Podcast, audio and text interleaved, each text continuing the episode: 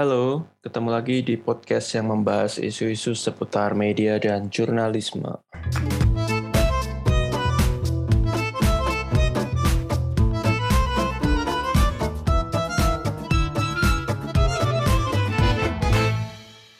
Ya, uh, buat teman-teman yang kemarin uh, nanya dan nunggu kenapa dua minggu uh, nggak ada update apa uh, episode baru, memang uh, dua minggu kemarin uh, sedang ada beberapa pekerjaan yang sulit saya tinggal ya, jadi mau nggak mau harus mengorbankan sebentar uh, podcastnya untuk tidak terbit dulu gitu, karena saya sedang bikin satu riset uh, meneliti tentang kondisi uh, jurnalis di daerah ter, apa yang terdampak pandemi gitu. Jadi uh, banyak hal yang uh, dari riset itu yang membuat saya apa ya agak keteteran jadi tidak bisa update podcast dulu gitu. Nah um, di podcast episode kali ini uh, saya tidak akan membahas isu seputar media dan jurnalisme ya secara khusus gitu, tapi saya ingin uh, membahas buku yang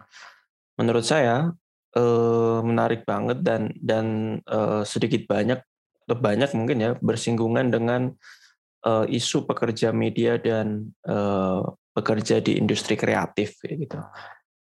Nah, uh, judul bukunya adalah Pekerja Industri Kreatif Pekerja Industri Kreatif Indonesia, Flexploitation, Kerentanan, dan sulitnya berserikat. Nah ini yang nulis ada uh, Filzah Izati, Rio Apinino, Ben Laksana, Rara Skar, dan Kathleen Azali. Nah buku ini membantu uh, memahami apa yang sebenarnya dialami oleh para pekerja kreatif termasuk tentu pekerja media di dalamnya dan problem apa saja yang yang uh, ada atau dihadapi oleh para pekerja ini di di industri uh, kreatif begitu. Nah, buku ini merupakan hasil penelitian uh, sindikasi Serikat Pekerja Media dan Industri Kreatif begitu dan apa riset ini bertujuan untuk saya mengutip di di, di pengantar bukunya ya bertujuan untuk mengisi kekosongan suara pekerja dalam kebijakan pengembangan uh, ekonomi kreatif yang disebut yang pernah disebut oleh uh, Presiden Jokowi sebagai tulang punggung uh, perekonomian Indonesia dan bagian dari upaya untuk membangun ekosistem industri media dan kreatif yang adil, inklusif dan uh, manusiawi. Nah, tujuan uh, yang dimunculkan sindikasi di pengantar buku ini menarik untuk di-highlight mengingat diskursus tentang ekonomi kreatif uh, di Indonesia begitu lebih banyak atau sering kali yang bisa kita lihat lebih banyak berkutat pada uh, apa namanya romantisasi entrepreneurship gitu ya uh, termasuk di antaranya uh, fleksibilitas pekerjaan yang dalam beberapa tahun belakangan menjadi tren buat anak-anak uh, muda kayak gitu. Kita kukira uh, teman-teman juga banyak uh, membaca melihat mendengar gitu bagaimana uh, tren fleksibilitas itu beberapa tahun belakangan di di di digembar-gemborkan gitu. Di mana industri kreatif disebut akan mendorong perekonomian uh, nasional, kemudian anak-anak muda punya kebebasan yang lebih untuk bekerja uh, dalam industri ini. Nah, namun lepas dari tren tersebut dan juga uh, ya romantisasi entrepreneurship yang digembur-gemburkan tersebut, ada aspek kerentanan um, yang ada di dalam industri kreatif dan media yang justru kerap luput dibahas gitu. Nah, menurut saya kemudian ketika ada buku hasil penelitian apalagi yang ingin memberikan suara bagi para pekerja media, para pekerja industri kreatif, termasuk membahas tentang kerentanan yang ada di dalamnya, begitu ya. Menurut saya kemudian menarik untuk didiskusikan uh, lebih jauh. Nah, um, buku ini tebalnya 257 halaman. Uh, dia terdiri dari dua bahasa ya, bahasa Indonesia dan bahasa Inggris. Jadi sebenarnya kalau dalam satu bahasa mungkin bukan mungkin akan lebih tipis begitu ya. 250 bagi uh, dua yang mungkin sekitar berapa 125 130 halaman mungkin. Uh, karena ada ada dua versi bahasa gitu ya, bahasa Indonesia dan uh, bahasa Inggris. Nah, buku ini dimulai dengan pertanyaan uh, tentang bagaimana pekerja di industri kreatif memahami dan mengalami kerentanan dalam sistem kerja fleksibel di bawah rezim tenaga kerja uh, fleksibel seperti saat ini. Ini adalah apa ya menurut saya pertanyaan yang penting untuk diajukan gitu karena dia mencoba langsung uh, menusuk ke jantung persoalan yang dihadapi oleh para pekerja kreatif dalam kehidupan uh, kesehariannya gitu. Nah, dalam upaya untuk menjawab pertanyaan tersebut, um, para penulis uh, Filzah Izati dan uh, kawan-kawan melakukan wawancara mendalam uh, dengan 16 pekerja industri kreatif yang ada di uh, tiga kota di Bandung, Jakarta, dan Surabaya. Nah ini 16 pekerja yang diwawancara ini mewakili 16 subsektor ekonomi kreatif ya yang dirilis uh, Badan Ekonomi Kreatif Bekraf pada tahun 2015 dan juga coba dikontekstualisasikan dengan kondisi saat ini beberapa uh, pekerja yang diwawancara antara lain bekerja sebagai uh, jurnalis lepas, ilustrator, pekerja lepas, uh, dekor acara pernikahan, uh, juga uh, uh, yang bekerja di agensi iklan dan juga uh, bekerja IT begitu. Nah, uh, sebelum memaparkan temuan dan uh, analisisnya, ya Izati memberikan uh, elaborasi atas of flexploitation.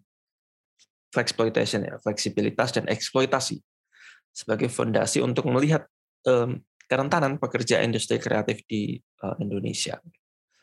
Nah, buku ini menulis bahwa kerentanan pekerja, uh, kerentanan pekerja industri kreatif semakin membesar karena flexploitasi ini terjadi yang dicirikan Eh, dengan semakin masifnya eh, kerja-kerja temporer dan penuh dengan ketidakpastian. Nah, uh, kondisi flexploitation ini, flexploitasi ini ber, berangkat dari latar belakang pengaturan kerja secara fleksibel atau disebut sebagai flexible work practices yang uh, dia melekat dan lazim ya dalam industri kreatif dan uh, di bagian awal buku ini menjelaskan ada ada dua dua dimensi fleksibilitas begitu. Yang pertama fleksibilitas uh, ruang dan waktu, kemudian yang kedua fleksibilitas pasar tenaga kerja yang berhubungan dengan informalitas dan kerentanan pekerja. Nah, dua dua dimensi tersebut yang berpengaruh besar terhadap bagaimana uh, kerentanan itu dihadapi oleh para pekerja kreatif ya Nah, um, pada satu sisi gitu, narasi arus utama yang kita lihat hari ini ya, menjelaskan bagaimana kebebasan dan independensi itu yang di apa kebebasan dan independensi yang di, di, di, dimiliki oleh pekerja itu meningkat karena para pekerja bisa meng, mengatur waktu dengan lebih fleksibel gitu unsur uh, fleksibel dalam flexploitation. Nah tapi di sisi lain fleksibilitas itu juga berarti akan ada tekanan bagi pekerja untuk bekerja di luar kontrak yang sudah disepakati dengan pemberi kerja. Pekerja harus uh, bekerja melampaui jam normal pada umumnya, siap dihubungi di waktu-waktu yang mestinya bisa dipakai untuk beristirahat, tidak punya kebebasan untuk mengambil cuti, uh, dan banyak contoh lainnya. Nah, untuk menunjukkan karakter kerentanan pekerja kreatif, uh, buku ini menyinggung tentang ekosistem industri uh, kreatif di Indonesia. Buku ini menyinggung tentang ekosistem industri kreatif di Indonesia, di mana tadi sempat saya singgung sekilas bahwa selama ini narasi arus utama selalu uh, mengidentikan kerja industri kreatif dengan self-programmable, ya, kerah putih, kemudian juga entrepreneurial labor seperti jurnalis, Eh, game developer, eh, desainer, peneliti dan eh, sebagainya. Nah, yang luput dibahas dan ditekankan dalam apa namanya di buku ini adalah ekosistem ekonomi kreatif di Indonesia yang didominasi oleh usaha mikro itu akan sulit bersaing dengan industri kreatif para laba multinasional yang memiliki kapasitas produksi massal. Kondisi ini yang pada tahap selanjutnya berpengaruh terhadap Eh, mayoritas pekerja dalam industri kreatif yang berhadapan dengan kondisi kerja yang serba tidak pasti, eh, upah eh, rendah, dan juga tanpa jaminan kesehatan ataupun jaminan uh, keselamatan kerja. Ada beberapa temuan uh, menarik ya menurut saya yang yang dimunculkan dalam buku ini. Yang pertama terkait dengan kontrak kerja kasual ya. Sebagian besar informan yang diwawancara menyebut bahwa mereka bekerja tanpa kontrak yang jelas agar tetap memiliki akses terhadap sumber-sumber pemasukan yang lain. Sehingga pekerjaan yang didapatkan sering kali berbasis pada eh, pertemanan dan kepercayaan. Jadi karena teman yang ngasih pekerjaan ya udah percaya. Dan ini tidak ada jaminan kan kontrak dan kepastian. Dan uh, tidak adanya kontrak adalah salah satu sumber kerentanan yang disadari oleh para pekerja, namun mereka tetap melakukannya karena tidak punya banyak opsi. Yang kedua, eh, ketiadaan jaminan sosial, asuransi kesehatan dan hidden cost-nya. 62,5 persen informan yang diwawancara dalam penelitian ini menyebut bahwa mereka tidak mendapatkan jaminan kesehatan seperti BPJS atau asuransi kesehatan dari pemberi kerja. Tentu saja kondisi ini berpengaruh besar terhadap kerentanan para pekerja khususnya dari sisi uh, apa kesehatan. Kemudian yang ketiga jam kerja, beban kerja dan eksploitasi di tempat kerja. Nah, sebagai pekerja kreatif dan tidak terikat kontrak kerja ya, sebagian besar informan menyebut bahwa mereka bisa mengatur waktu kerjanya sendiri dan tidak terikat jam eh, kantor. Tapi di sisi lain tentu kebebasan mengatur waktu kerjanya sendiri juga menjadi faktor kerentanan yang lain. Kemudian yang keempat, persoalan upah buruh, uh, sorry, upah murah. Sebagian besar informan yang diwawancara merasa tidak mendapatkan upah yang layak, bahkan di bawah upah minimum provinsi ya. Dan upah murah ya ini menjadi faktor penyebab kerentanan. Karena kebutuhan terus bertambah begitu tapi tidak berbanding dengan kenaikan upah. Pada akhirnya banyak yang kemudian terjerat untuk melakukan pinjaman uang kepada pinjaman uh, online ya pinjol begitu dan apalagi di masa pandemi yang uh, apa pinjol ini semakin parah begitu ya teman-teman saya kira yang aktif di media sosial akan sering menemukan kasus-kasus uh, orang-orang yang menjadi korban pinjol bahkan beberapa sampai uh, bunuh diri begitu ya kemudian yang kelima terkait dengan kepastian karir empat hal di atas yang tadi sudah saya sebutkan itu menjadikan para informan itu menyadari bahwa nggak ada kepastian karir dalam pekerjaan mereka. Padahal kepastian karir ya di semua tempat kerja itu pasti menjadi salah satu hal yang mereka e, orang-orang butuhkan dengan mempertimbangkan faktor-faktor lain, misalnya seperti keluarga dan juga jaring pengaman pekerjaan. Lagi seiring dengan bertambahnya usia sebuah e, seorang pekerja. Nah, beberapa temuan tersebut dalam uh, yang dimunculkan dalam buku ini menurut saya kemudian membuka mata bahwa di balik hingar-bingar uh, sharing ekonomi, gig ekonomi, revolusi industri 4.0 dan apa tetek bengek lainnya ya yang menyilaukan, ada kondisi pekerja yang uh, menyedihkan. Dan sedihnya atau ironisnya, negara justru melumrahkan situasi yang tidak normal tersebut. Selain regulasi yang tidak berpihak, negara juga terus melakukan romantisasi dan melekatkan citra positif pada industri kreatif. Citra yang justru bisa mengaburkan berbagai kondisi menyedihkan yang ada di di dalamnya seperti yang tadi sudah uh, saya sampaikan ya dan jadi salah satu uh, temuan utama dalam uh, buku ini.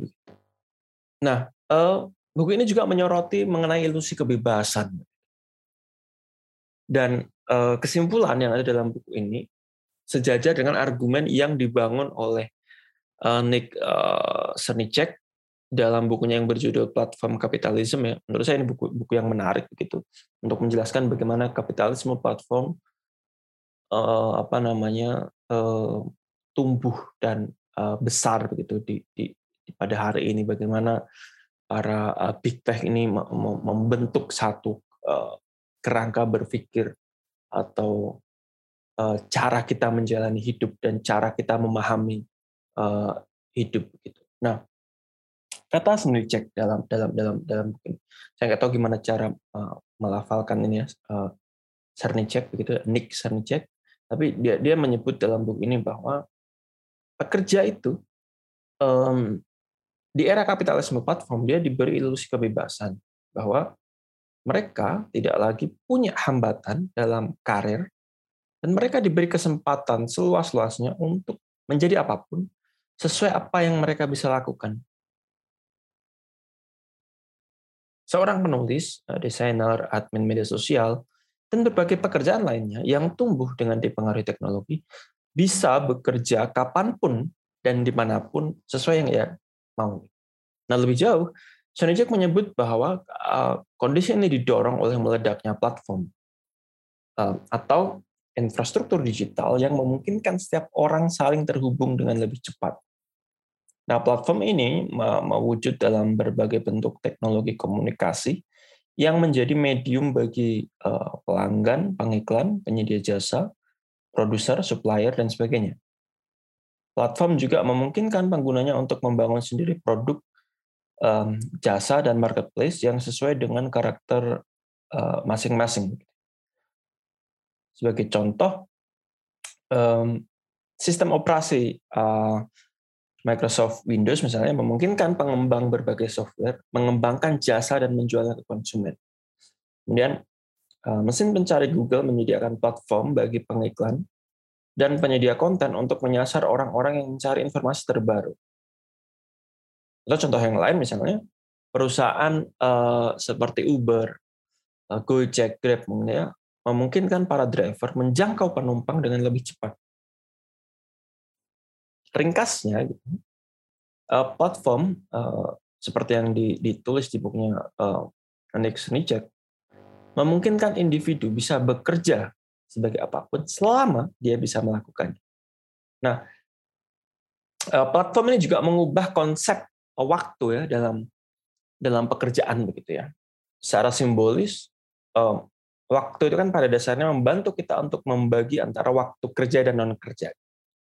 Misalnya kita melihat pada umumnya para pekerja kantoran punya waktu uh, fix gitu, jam kerja um, 9 to 5 ya misalnya, 9 pagi sampai jam 5 sore. Dan lepas dari waktu tersebut adalah waktu non kerja yang bisa digunakan uh, untuk aktivitas lainnya. Nah, namun platform mengubah konsepsi akan waktu tersebut. Mobile phone, internet, dan berbagai perangkat teknologi itu mengubah apa yang disebut oleh Alan Tuckman sebagai demarkasi spasial antara rumah dan tempat kerja. Platform itu kemudian menuntut kita untuk kalaupun tidak hadir secara fisik, ya hadir secara emosional yang pada tahap tertentu membuat pekerja menjadi anxious. Misalnya tiba-tiba tengah malam atau di akhir pekan dikontak atasan untuk urusan pekerjaan. Tiba-tiba di jam istirahat dihubungi mendadak untuk menuntaskan pekerjaan yang mestinya bisa diselesaikan di waktu lain. Apalagi di era pandemi gitu ya, yang kita sudah terintegrasi saya kira dengan platform WhatsApp, Zoom, uh, Google Meet dan seterusnya. Ini membuat tadi uh, anxiety tadi ya, karena misalnya banyak sekali teman saya yang dengan sengaja mematikan WhatsApp di jam-jam tertentu, termasuk ketika beristirahat di rumah gitu, ya agar tidak diganggu oleh urusan pekerjaan. Gitu. Saya kira ini ini pengalaman kolektif ya, termasuk misalnya mematikan centang biru di WhatsApp agar uh, tidak terganggu dan sebagainya. Saya kira ini pengalaman kolektif yang uh, pada dasarnya tidak hanya dialami oleh pekerja kreatif, tapi juga pekerja lainnya. Artinya batasan antara waktu kerja dan waktu non kerja itu menjadi blur. Kerentanan pekerja semakin terindividualisasi dan jadi personal. Nah, proses individualisasi tersebut adalah proses yang apa, membebaskan tetapi sekaligus menakutkan. Ada satu uh, artikel yang menarik yang ditulis uh, Mick Geigen ya tentang uh, creative labor, cultural work, and individualization yang yang dia menyebut uh, sulit untuk tidak menghubungkan proses individualisasi ini dengan restrukturisasi neoliberalisme di mana proses individualisasi membuat pekerja semakin terisolasi, eh, terisolasi, sorry, dan semakin berjarak dengan serikat pekerja. Nah, individualisasi juga berarti bahwa seorang pekerja kreatif, khususnya um, dia dituntut untuk terus-menerus mencari kesempatan kerja berikutnya begitu pekerjaan sebelumnya selesai. Padahal keberlanjutan pekerja pekerja ini kan sulit ya dijaga. Pekerja kreatif misalnya harus terus menerus menjaga track record dan reputasi gitu agar dia bisa mendapatkan pekerjaan-pekerjaan selanjutnya gitu, proyek-proyek selanjutnya. Ada satu artikel yang menunjukkan contoh bagaimana proses individualisasi itu bekerja dan berakibat dan berdampak terhadap penulis freelance. Um, penulisnya Cohen, judulnya Cultural Work as a Side of Struggle, Freelancer and Exploitation. Jadi dia menulis bagaimana pada satu sisi penulis freelance itu punya banyak kebebasan. Mereka bisa bekerja memproduksi tulisan dalam jangka pendek untuk beberapa klien sekaligus. Nah, namun untuk bisa mendapatkan pekerjaan itu, seorang penulis freelance dipaksa terus-menerus mengeluarkan kemampuan terbaiknya dan dengan resiko yang harus dia tanggung sendiri dia nggak bisa serta merta mendapatkan posisi yang menguntungkan, apalagi bagi penulis freelance yang masih muda gitu ya, apalagi penulis penulis pemula gitu katakanlah. Nah, pemberi kerja atau klien itu selalu punya posisi tawar yang lebih tinggi dan selalu punya opsi untuk mengganti pekerja. Kata Cohen, kondisi ini membuat para pekerja atau penulis freelance itu semakin insecure. Saya kira ini terjadi di banyak apa ber, berdampak untuk banyak pekerja tidak hanya penulis freelance ya. Ilustrator um, editor video fotografer seniman musisi dan pekerja lainnya yang pada akhirnya dalam posisi yang sama rentan nah menurut saya kelebihan buku ini di sana. Terletak pada upaya untuk menunjukkan kondisi empiris ya kerentanan tadi terjadi uh, apa dia alami oleh para pekerja kreatif di Indonesia. Tentu uh, hasil wawancara 16 informan yang tadi diabstraksikan di, di atas itu juga tidak bisa digunakan untuk melakukan generalisasi gitu ya. Namun menurut saya temuan-temuan dalam buku ini bisa digunakan untuk membantu melakukan proses identifikasi berbagai eh, problem yang dihadapi oleh pekerja kreatif eh, sehari-hari. Apalagi kalau teman-teman yang dengerin podcast ini juga pekerja kreatif. Mungkin saya kira bukan mungkin ya, saya hampir yakin teman-teman bisa relate dengan dengan buku ini begitu. Nah, selain itu, selain memberikan landasan empiris, dia juga berupaya memberikan landasan konseptual bagi proses flexploitasi, flexploitation yang terjadi. Dan menjelaskan tentang industri kreatif sekaligus mendiskusikan tentang prekariat. Pekerja yang berada pada kondisi yang rentan di Indonesia. Buat saya landasan ini penting gitu karena membantu menjelaskan posisi kelas pekerja kreatif dan mengelaborasi faktor-faktor yang membuat para pekerja eh, khususnya yang diwawancara ini ya merasa ada kebutuhan untuk berserikat eh, ataupun mereka yang butuh untuk berserikat tapi merasa ada banyak hambatan yang membuat mereka tidak bisa untuk berserikat. Dan mendiskusikan tentang kesadaran berserikat ini memang khususnya bagi para pekerja kreatif di Indonesia memang sedang ramai saya kira didiskusikan, diperbincangkan itu selama beberapa tahun eh, belakangan begitu ya. Nah, tentu yang menarik eh, beberapa temuan di dalam buku ini menunjukkan ada di mana sih sebenarnya posisi kesadaran kelas gitu eh, yang yang di, diyakini dipahami oleh para pekerja kreatif sendiri. Bagaimana mereka mengidentifikasi kondisi mereka sendiri, termasuk apa yang mereka termasuk apa bukan apa yang mereka ya, tapi seperti apa mereka melihat kebutuhan untuk bergabung dengan serikat.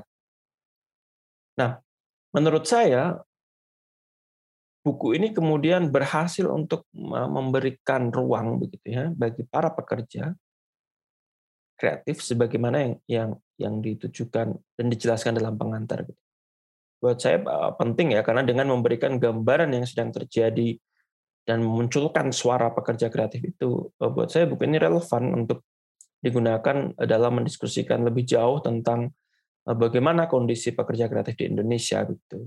Belum lagi membincangkan efek-efek bukan efek-efek membincangkan efek undang-undang cipta kerja gitu yang disahkan beberapa waktu lalu gitu ya, yang berpotensi melanggengkan kondisi yang sudah buruk gitu ya bagi para pekerja kreatif gitu. Saya kira memang buku ini kemudian bisa menjadi modal gitu untuk untuk kita membincangkan dengan lebih serius kondisi yang benar-benar dihadapi oleh para pekerja kreatif gitu ya, termasuk uh, membangun kesadaran kelas dan pentingnya bergerak bersama uh, dengan berserikat begitu. Jadi bukan sekedar melanggengkan ilusi kebebasan dalam industri kreatif yang terus-menerus digemborkan untuk menutupi berlapis-lapis kerentanan yang ada uh, di dalam apa di dalam industri kreatif itu sendiri. Nah, saya kira begitu dulu teman-teman. Uh, uh, buat yang ingin membaca buku ini bisa diunduh di website uh, sindikasi.org begitu. Uh, teman-teman juga bisa membaca apa uh, saya menulis resensi di uh, In the Progress ya yang kemudian saya jadikan materi untuk podcast ini terkait dengan buku ini teman-teman nanti uh, bisa cari gitu terutama yang tertarik untuk mendalami lebih jauh tentang uh, pekerja kreatif uh, di Indonesia. Nah saya kira begitu teman-teman terima kasih yang sudah uh, mendengarkan podcast ini sampai uh, selesai. Semoga tetap sehat-sehat selalu. Jangan lupa tetap pakai masker. Uh, dan kalau tidak perlu keluar rumah, tidak perlu keluar uh, rumah. Kita ketemu lagi di episode-episode selanjutnya. Ciao.